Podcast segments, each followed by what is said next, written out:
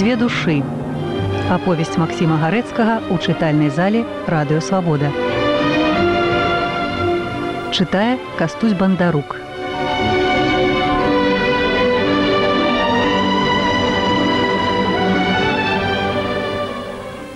Яны паехалі. Сход слухаў Карпавіча і толькі мала хто найболей з дзяўчат праводзіў іх пад воду маўклівым паглядам. І зноў пачалася імгліва халадкаватая нуда ў апусцелым полі. Чаму ж вы не давялі змагання да канца? запытаў Абдзіраловіч. Вучань памаўчаў, пакрактаў, пахухаў на пальцы. Усё роўна, сказаў ён. Чаму? Так, няхай гэты дзядок бальшавік выедзе ў Маскву, Тады да галасавання можна будзе яшчэ падысці сюды, калі я ці хто з нашых паспее. А цяпер трэба агітаваць у эскай воласці. А тут нічога не выйдзе, бо селяніну бліжэй знаемей цяпер пытанне аб міру і зямлі чымся беларускім адраджэнню. Дзядок карыстае. І многа вас вучняў ходзіць так даволі. Ад партыі ці як? Не, мы так, самі па сабе. Абзіраловіч усё больш дзівіўся і цікавіўся. Адкуль жа ў вас гэткая стараннасць? Не мог ён прыдумаць далікатнейшае пытання і збоку ўзіраўся на просты сялянскі тыпічны беларускі твар хлопца. Адкуль? Весялей пачаў казаць хлапец, гледзячы проста перад сабою. Ці вы не беларус, што пытаецеся? Беларус, адказаў Абдзіраловіч роўна і проста, але з дробачкай спагадна смеху. А калі беларус, дык скажыце ж вы мне, што вы робіце, каб адрадзіць нашу няшчасную бацькаўшчыну. Абдзіраловіч няўмысля усміхнуўся, але здзержыўся і спытаў у вучня. Вы кажаце ўжо каторы раз аб адраджэнню. Што вы гэта хочаце тым словам сказаць? Аб ім вы лепей даведаецеся з беларускай літаратуры, чымся ад мяне, сказаў хлапец непрыхільна, думаў ужо, што перад ім вораг, А вы мне аднак жа адкажыце, што вы робіце для бацькаўшчыны для маткі беларусі. Абдзіраловіч ізноў не ўмысля, але дужэй засмяяўся і не мог здзержыцца, хоць пасля і ўцяміў, што пакрыўдзіць хлапца і несур'ёзна, як ужо пайшло адразу, смеючыся сказаў: « Бацькаўшчына, матка Беларусь, Ха-ха, выбачайце паночку, але моя бацькаўшчына уся рассея. А так! раптам выскачыў хлапец калёс. Ну дык мне не па дарозе з рэнагатам, сказаў ён і не глянуўшы назад пайшоў пехатою па сцежачцы з боку дарогі пад бярозамі. Паночку, што вы пажартавалі ці што сядайце паедзем шыбчэй. Не ведаў, што казаць, бо не разумеў хлапца Абдзіраловіч. Які я вам чорта паночку, зусім злы і ўзноў не паглядзеўшы адгукнуўся хлапец я мужик беларус і пасылае да ўсіх чартоў з маскаляных паноў рэнагатаў да ўсіх чартоў чуеце са злосцю крыкнуў ён і звярнуў на ўбочную вузенькую дарожку пайшоў і пайшоў у імгліва халадкаватую нудную восенскую далячыню стой крыкнуў узлаваны абдзіралові свайму хурману і схапіўся за вошкі меўся ўжо бегчы за хлапцом Чаго ён і як ён паважыўся лаяцца. Едь, пусціў, падумаўшы вошкі з рук, дурны нейкі ці што, казаў быццам сабе, быццам падводніку і пачаў супакойвацца. Яшчэ ён і лаецца, вось дурань. Дурань нейкі, згадзіўся і маўклівы падводнік і перасунуў белую маргелку злобу на зморшчаную старую патыліцу. А той пайшоў і пайшоў у сваіх вялікіх ботах іншыя натуры, каб жыць далей і мець нейкі спакой, чуюць пільную патрэбу ў яснасці і добрай цямнасцю ва ўсім, што ёсць навакол, а таксама ў сваім жыцці за астатні пасля такога ж уразумення час. Гэткіх натур найболей сярод славянаў і народаў усходу. Яны патрабуюць нейкае здавальнення і спакою духа ў адносінах да ўсяго, што ёсць і што дзеецца на свеце час да часу проста карціць ім упарадкаваць думкі свае. Гэта азначае, хоць і не развязаць спрадвечнага пытання, адкуля ўсё і што яно, дык хоць супакоіць сябе, падумаўшы, палетуцеўшы і ізноў набраўшыся яснасцю ў паглядах на спрадвечна няяснае.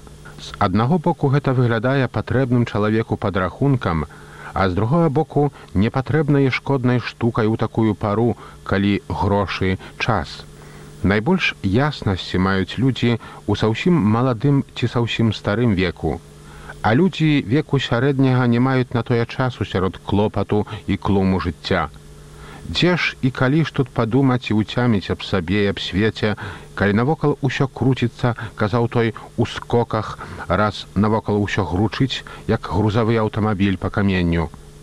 Цямнасць тую часам неўспадзеўкі знаходзяць аднак і яны на глухой прасёлкавай дарозе, праехаўшы па ёй колькі дзясят вёрст. Калі патроху забылася прыкрасць з вучнем агітатарам, калі сумная родная мгла восені ізноў патрошку ахоплівала сэрца, абдзіраловіч пачаў набірацца той яснасці. І як маўклівасць белабрысага з чырвонай зморшчанай шыяй падводніка ў белым жупане і белай маргелцы, як аднатоннасць дарогі, як хваравітая прыемнасць ад мулкасці на нядрохкіх калёсах, што з'явілася неўпрыцям на мест мяккасці падсцеленага сена і пераходзіць няўзнак у нейкую анямеласць.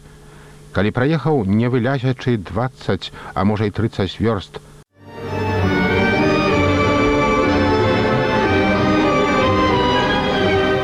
Дзве душы. Аповесць Масіма Гарэцкага ў чытальнай зале радыёвабода. Чытае кастусь бандарук.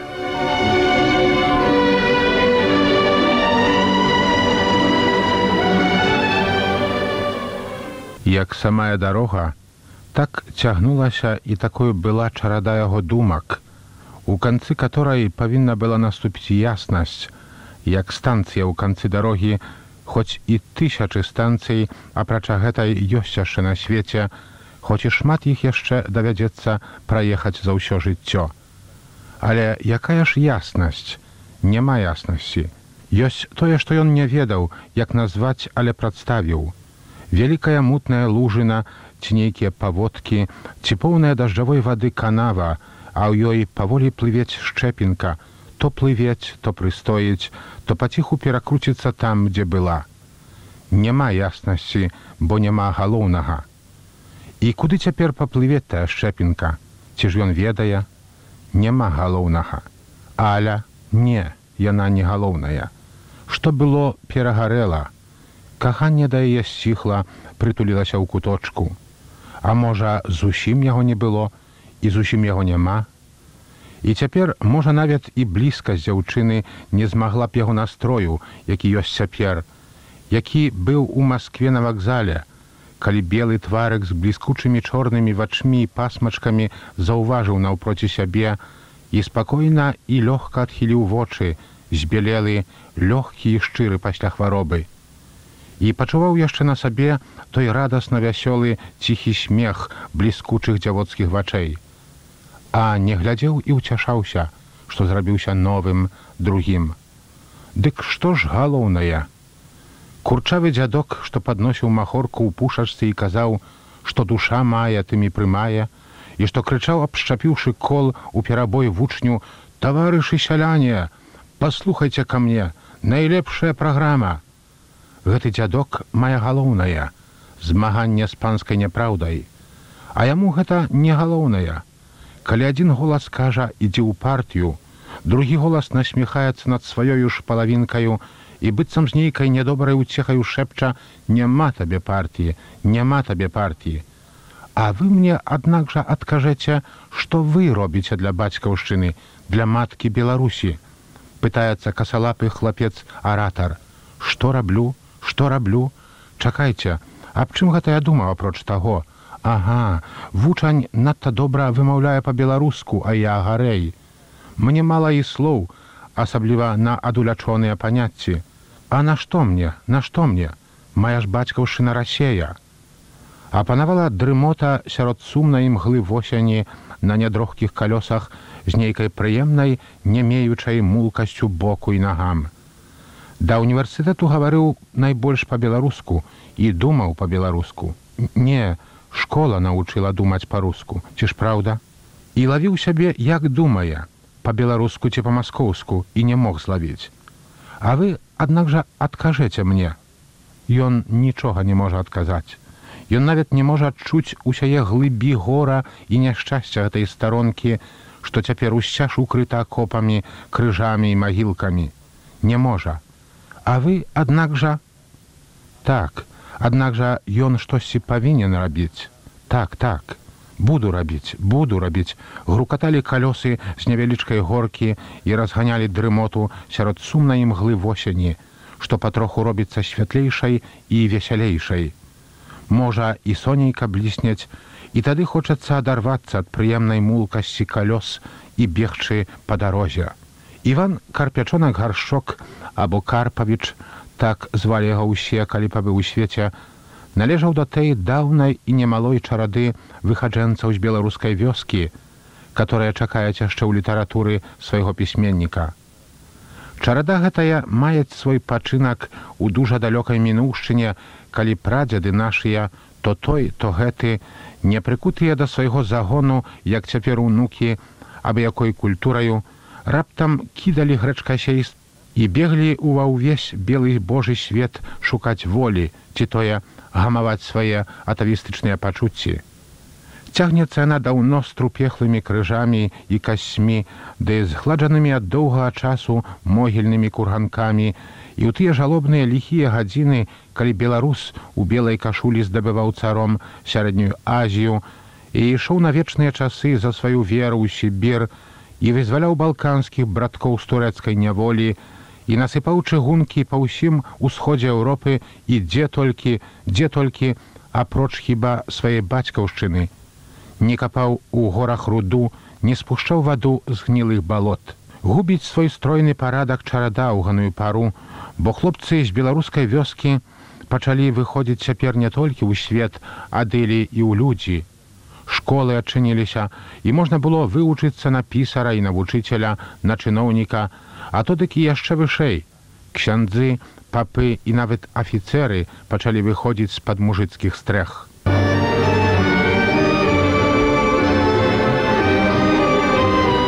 Кастусь бандарук чытаў для вас старонкі аповесці Масіма гарэцкага дзве душы.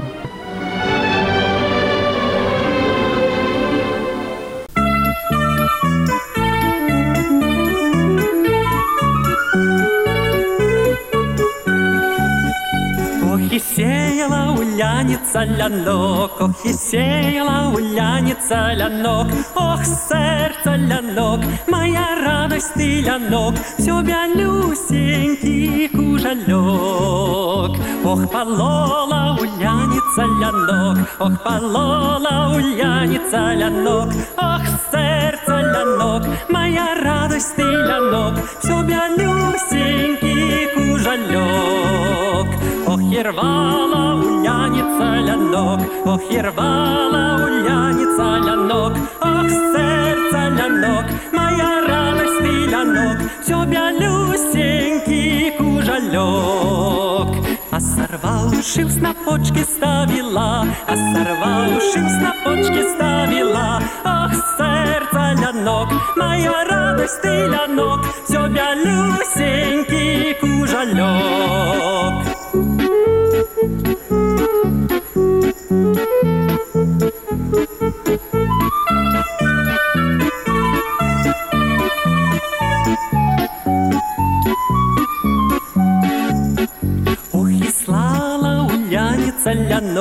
Ох, і м'яла уляніця лянок, ох, серце лянок, моя радость ты лянок, все бялюсенький кужальок.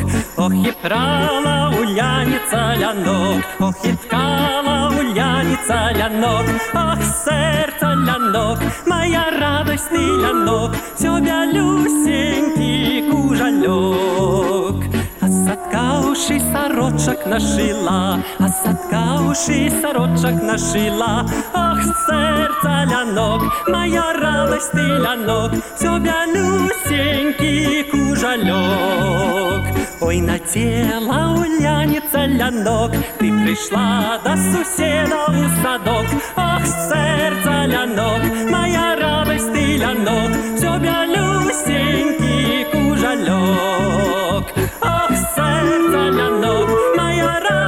的诺